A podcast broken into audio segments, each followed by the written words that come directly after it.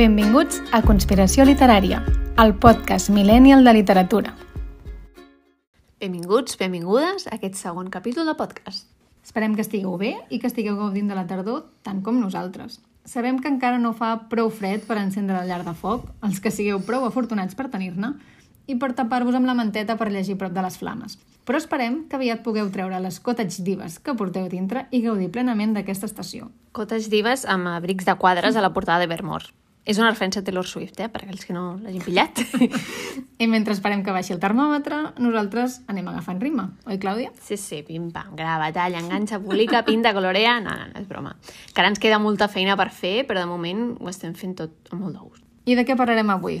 Avui xerrarem d'un tema bastant totxo, bastant dens, però la mar d'interessant, com és el món de les autobiografies. Uh, uh, el gènere més egocèntric de tota la literatura. Sí, sí, com sigui, us convidem a agafar una manteta, a fer-vos un cafè o un te i a premer de nou al play, perquè l'Aina i jo tenim molt a dir en aquest capítol.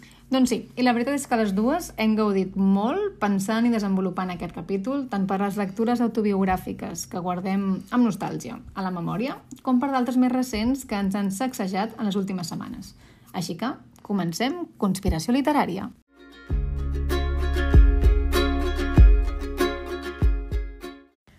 He d'admetre, Aina, que personalment a mi no sempre m'han cridat atenció les autobiografies. De fet, en el passat tenia certs prejudicis sobre aquest tipus de llibres, no? Potser perquè no havien arribat a les meves mans els títols adequats o perquè havia sentit a parlar d'algunes publicacions com massa denses, que no em cridaven gens d'atenció. T'entenc. La veritat és que jo també he tingut sempre la mateixa percepció de, de les autobiografies.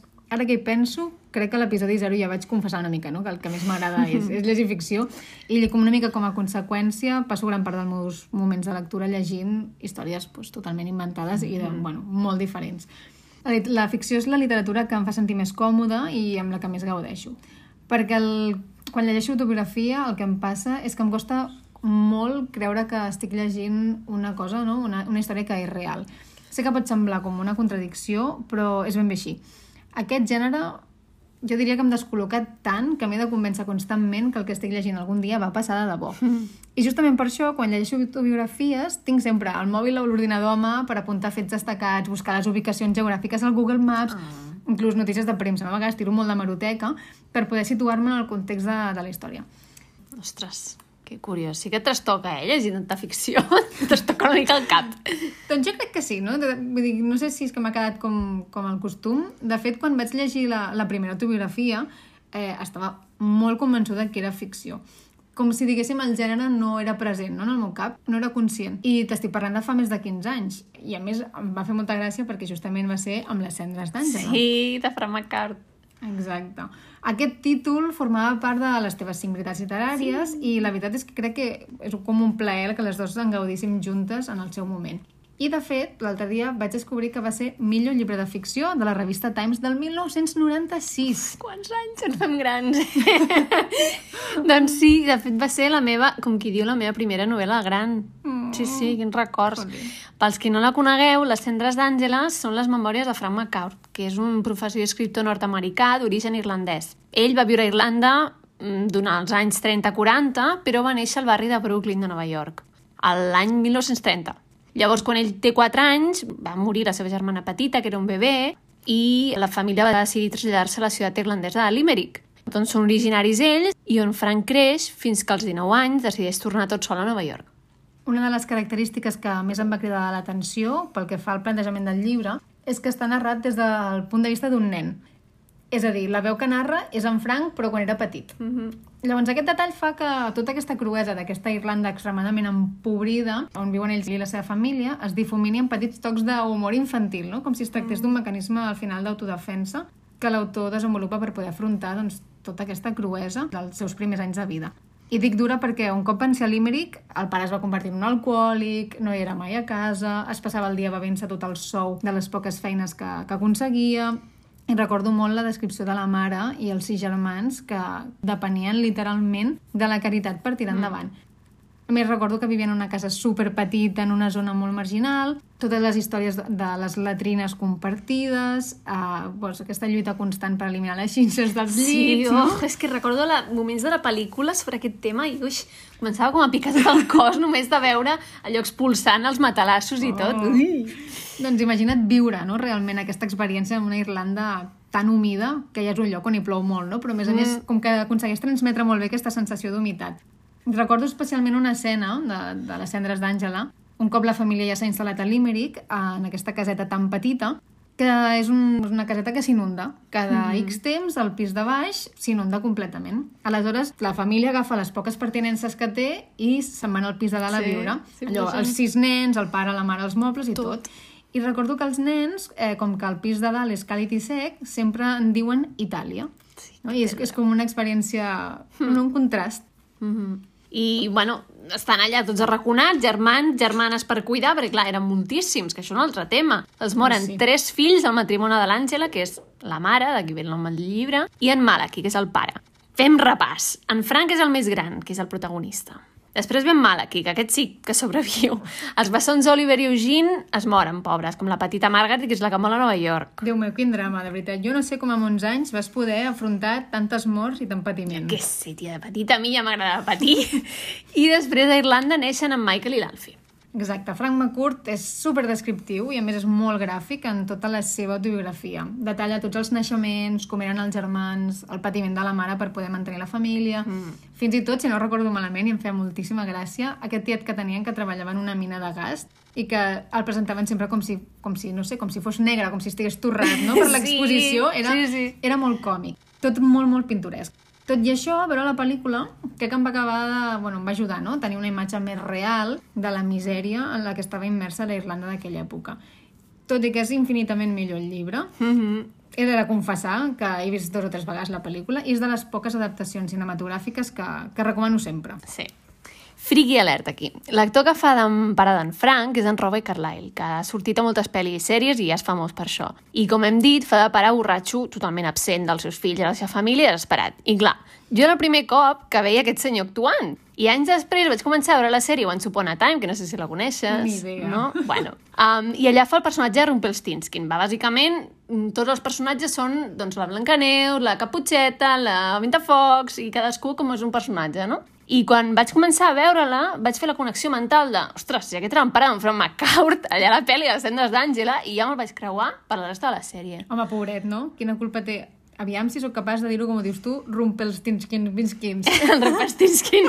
doncs no sé, tia, no, no havia sigut un bon actor, què vols que et digui?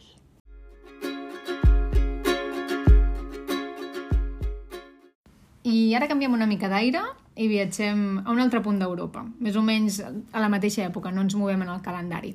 Imagineu que som a Itàlia, el 1946, i allà es publica una de les autobiografies més famoses del segle XX, que és Si això és un home, de Primo Levi. que, fun fact, me'l vaig llegir voluntàriament en un viatge a Alemanya fa uns anys, on, de fet, anava a visitar el camp de concentració de Dachau. De veritat, el teu oportunisme no, no, té, no té mesura. Home, bé, devia mentalitzar el que no va veure, tu.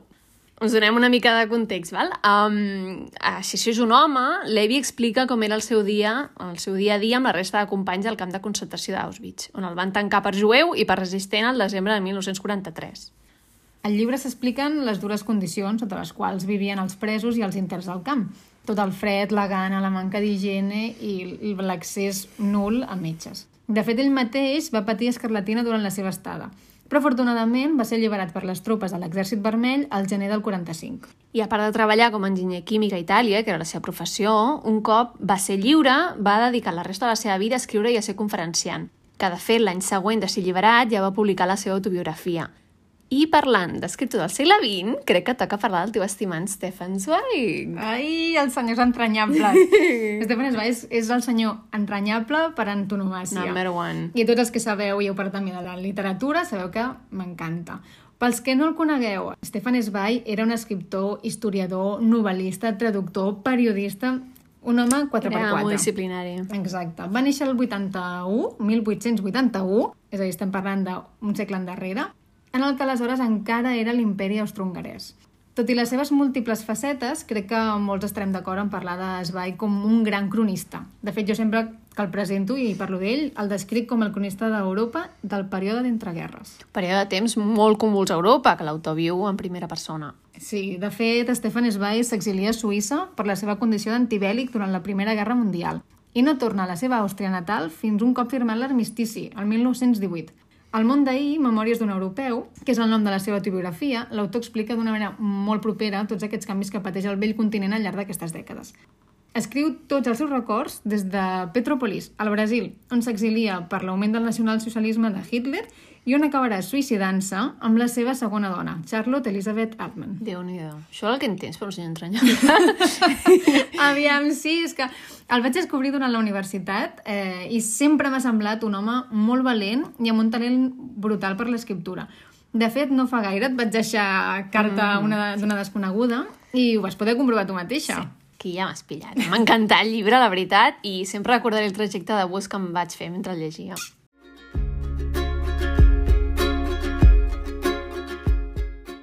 I ara creuem l'oceà per parlar-vos de probablement una de les millors autobiografies que s'han escrit fins ara. Fight me on this, m'és igual. I que, de fet, és la lectura que ha agradat a tota membre del nostre club de lectura en la ronda que es va comentar. Redoble de timbales. Pera, pera, pera, pera, Parlem d'una educació de Tara Westover, que de fet encara tinc pendent de llegir. Sí. Però, donat que és un llibre tan estimat dins del gènere de no ficció, hem considerat que era digne de menció. Clàudia, ja, com que jo no, encara no m'he dignat a llegir-lo, explica'ns una mica de què va, però sense spoilers, eh? No, spoiler free, ja veuràs. Um, una educació és la història de Tara Westover, que és autora i historiadora americana nascuda en una família fundamentalista mormona d'Ohio. No només fundamentalista, sinó també survivalista. El survivalisme, que és aquell moviment religiós on un grup de gent s'estan constantment preparant per l'apocalipsi. Sí, sí, sí, pel, per l'últim dia. Sí, sí. A més, la Tara i els seus sis germans no estaven escolaritzats, alguns no estaven registrats al, al cens dels Estats Units i no anaven mai al metge, perquè el seu pare no hi creia, era antigovernamental. I la veritat, no sé com va sobreviure tota aquella família, i especialment la mare, per set criatures sense assistència mèdica i per molt laborista que fos el senyor, la veritat. Uf, quina història, quina intriga. Mm, però llavors, aviam, un moment. El llibre se centra específicament en la infantesa de, de la Tara, no? de l'autora, entenc. Aviam, el llibre dona molt context històric, esclar, ja que els fets que passen quan és una nena dona explicació al seu creixement com a adulta després. Com una nena aïllada del món que només fa que treballar per la seva família, perquè, òbviament, no està escolaritzada, surt d'aquest ambient tan tancat i amb els anys acaba estudiant a la Universitat de Cambridge. Uau! O sigui, no em puc arribar a imaginar el xoc cultural que devia patir. No només a Cambridge, sinó simplement estant en una aula, no? Sí, sí, la veritat, parla molt d'això i hi ha, de fet, una anècdota molt coneguda en el llibre en què eh, li parlen de l'Holocaust en la seva primera classe de la universitat i ella no ha sentit mai a parlar de l'Holocaust Mare meva! i la tallen de racista. Mare meva! Sí, de white racist. Res més lluny de la realitat, Sí, sí, pobra. sí. Està, la veritat, tornant al llibre, està molt ben escrit i no cau en detalls morbosos perquè, tenint en compte el context, sí podria caure. Podria. Bàsicament, una educació parla de la lluita de Tara per la seva educació en si, no? per accedir a un món que semblava inabastable en aquell entorn familiar en el que vivia. I també com va iniciar el procés de guariment del que va suposar viure en un entorn aïllat com aquell. I la veritat, si no us l'heu llegit, us el recomano molt fort. Encara que no us cridi gens, llegiu-lo, de veritat.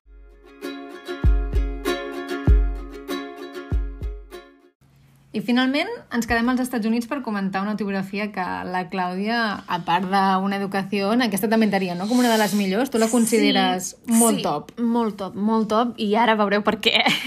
El llibre es diu Crying in H-Mart i està escrit per la cantant, compositora i ara escriptora Michelle Zauner. Malauradament encara no està traduït de l'anglès i, de fet, aprofito per fer una crida a les editorials locals i nacionals perquè, si plau tradueixin aquesta joia de llibre. Home, aviam, això s'està convertint al final en una plataforma per fer crides a les editorials. Sí, sí, no, No, no, no sé què està Sempre passant. tenim coses per dir les Exacte. editorials. Sisplau, poseu línia directa amb aquest podcast perquè és molt necessari. Espero i desitjo no, que, de, que de cara de l'abril del 2022-23 no, puguem algun Sant Jordi celebrar-ho i amb una traducció Per favor, decent. A veure. Això espero. Aquesta autobiografia, de fet, m'ha remogut massa com per no voler-la recomanar a tothom. I ara us explicaré per què. El llibre comença un dia en què la Michelle, que és una persona asiàtico-descendent, la seva mare és coreana i el seu pare és americà blanc, es posa a plorar enmig de l'H-Mart. I pels qui no sapigueu que és un H-Mart, és una cadena de supermercats de productes asiàtics que als Estats Units. I la Michelle plora perquè ha perdut recentment la seva mare de càncer i ha anat a fer la compra per posar-se a cuinar plats coreans. La cuina coreana era un dels pocs vincles que tenia i que procura conservar amb la cultura de la seva mare. Llavors és un llibre una mica de llagrimeta, no? En podríem dir. Perquè pel que m'has comentat, no només va del dol, sinó d'altres coses, però sí que aquest no? aquest paper del dol és mm. important. La veritat és que m'ha sorprès la quantitat de coses de les que parla Crying in Age Mart. Des del que és tenir una identitat asiàtico-descendent amb un nom i cognom comúment blanc, que és com Michelle Zauner, mai diries que hi ha una persona mm. asiàtico-descendent darrere d'aquest nom, els vincles amb una família que està en dos països diferents, passant per una adolescència tumultuosa, barreres idiomàtiques amb la família i el que és estar a la cura també d'una persona malalta. Doncs déu nhi quin, no? quin llibre més complet, quina mm. radiografia més exacta. Sembla un còctel molt, molt completet. Però escolta, té un 4,38 a Goodreads. Jo crec que passa el teu llistó. Sí, totalment. I a més a més el passa amb nota. Bastant, bastant més nota.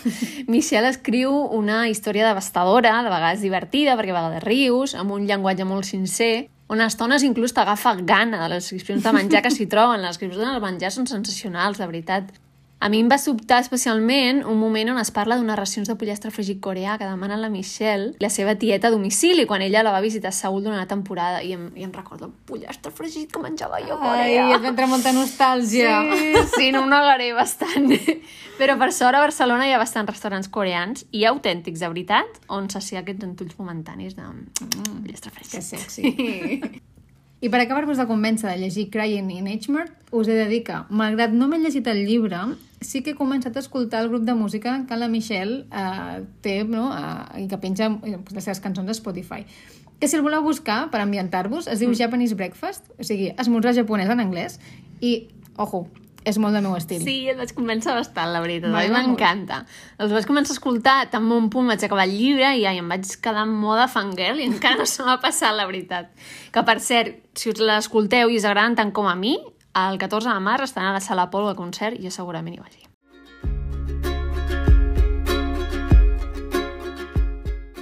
I per últim, volem parlar d'una autobiografia molt especial que hem llegit juntament amb les nostres companyes de, del Club Boverí i que encara no hem comentat, o sigui que a veure, que és Les males de Camila Sosa Villada.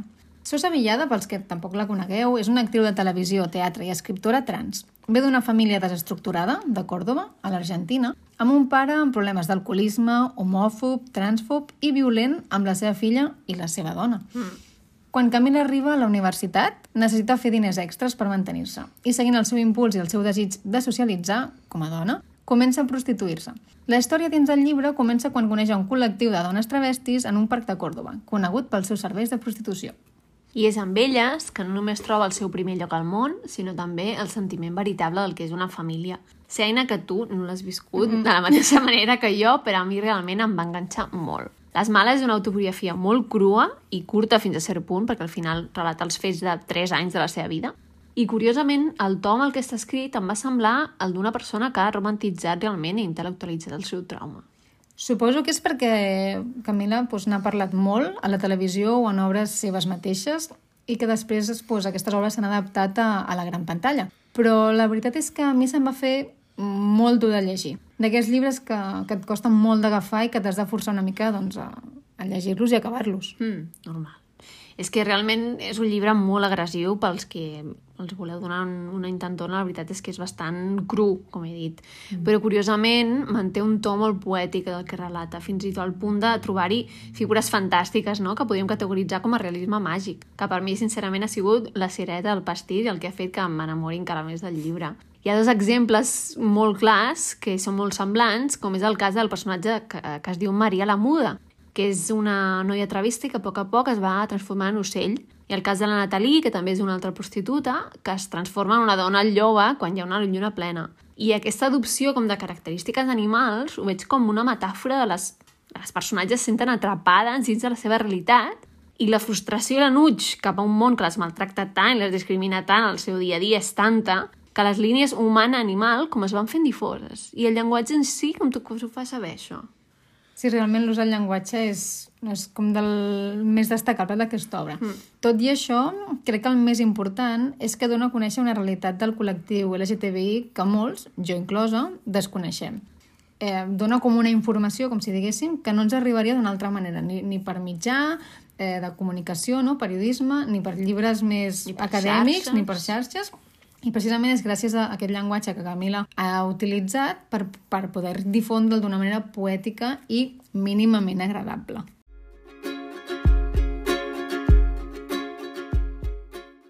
I de cara a començar a tancar el capítol, ja sabeu quin tema toca ara, les novetats literàries i les notícies del sector. Ara que ja hem veig Sally Rooney i algunes ja s'han comprat la portada blava, toca parlar de les novetats de les llibreries. Doncs t'explico. L'altre dia estava escoltant la secció podcast de llibres de Catalunya Ràdio mentre feia um, Les gateres dels moscats i va arribar a les meves orelles uns contes d'un escriptor que no havia sentit mai, en Ramon Vinyes. No em sona de res, Ramon Vinyes. A mi tampoc em sonava, la veritat. Però va ser un empresari, en Ramon Vinyes, un empresari i escriptor català que durant la seva vida va viure molts anys a Colòmbia. I, curiosament, una cosa que he pres gràcies a Wikipedia, increïble, però veritat, ja pots aprendre a Wikipedia, és que va servir de model per a Gabriel García Márquez per fer el seu personatge del sabio català que surt a Cent anys de soledat. Ostres. The more you know, eh? doncs Males Herbes, l'editorial, ha rellançat recentment el seu llibre A la boca dels núvols, que es va escriure el 1946. I és un recull de contes amb realisme màgic que la veritat m'ha cridat molt l'atenció i des de quan vam parlar a Catalunya Ràdio que tinc ganes de llegir-lo.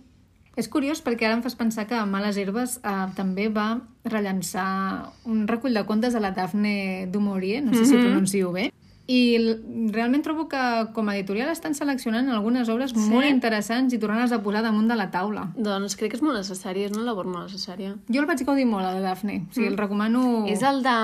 No, la Pomera, Pomera i, i altres contes. Sí. sí. Mm, molt Hitchcock. De fet, Daphne tenia una relació molt estreta amb Hitchcock i va participar en l'elaboració d'algun dels, dels seus guions. Ostres, per tant, les dels amants de Hitchcock, aquesta autora els, els encantarà. Mm, doncs haurem de seguir la pista amb les herbes, eh? Exacte. A part de tota aquesta aventura amb el nostre empresari català a Colòmbia, jo volia parlar-vos d'una de les novetats, entre cometes, de l'editorial Blacky Books. Tothom sap que en sóc bastant fan, i dic entre cometes perquè, si no m'equivoco, Gènesis va sortir a finals d'estiu. Es tracta d'una edició reinterpretada, una traducció laica de l'hebreu... Directe. Tal qual, feta per Javier Alonso, un crac, i en la que s'explica el Big Bang de la humanitat. S'emmarca dins de la col·lecció de clàssics alliberats, on els textos s'interpreten sense prejudicis de raça ni de gènere, qual cosa un exercici Sí. molt, molt important i molt interessant tenint en compte que és un text bíblic. Sí, la veritat és que potser tot pot democratitzar la Bíblia tal com la coneixem, no? La pot acostar a, a audiències que potser no es considerarien llegir un text com és la Bíblia. O que la rebutgen, no? Partint de la base que Sí. ja tenen com tota aquesta... Prejudici. Sí, tota aquesta càrrega tan, bueno, de simbolismes tan forts, Mm -hmm. sobretot a nivell no només de raça, però de gènere especialment, no? Com Sí, sí, és clarament dona. patriarcal. Exacte. La Bíblia ens agrada, no? I amb aquestes recomanacions que us fem, ens acomiadem del segon episodi de Conspiració Literària, on hem parlat del món de les autobiografies, d'aquelles que més ens han agradat o que ens han marcat. Ens veiem a la propera, però ja sabeu que estem a Instagram fent fotos boniques de llibres i explicant-vos més sobre nosaltres i aquest projecte tan maco que tenim. Així que, fins a una altra i a conspirar! I us recordem que podeu seguir-nos a través d'Instagram o bé us podeu subscriure al nostre newsletter. Us esperem en el proper episodi. Fins aviat!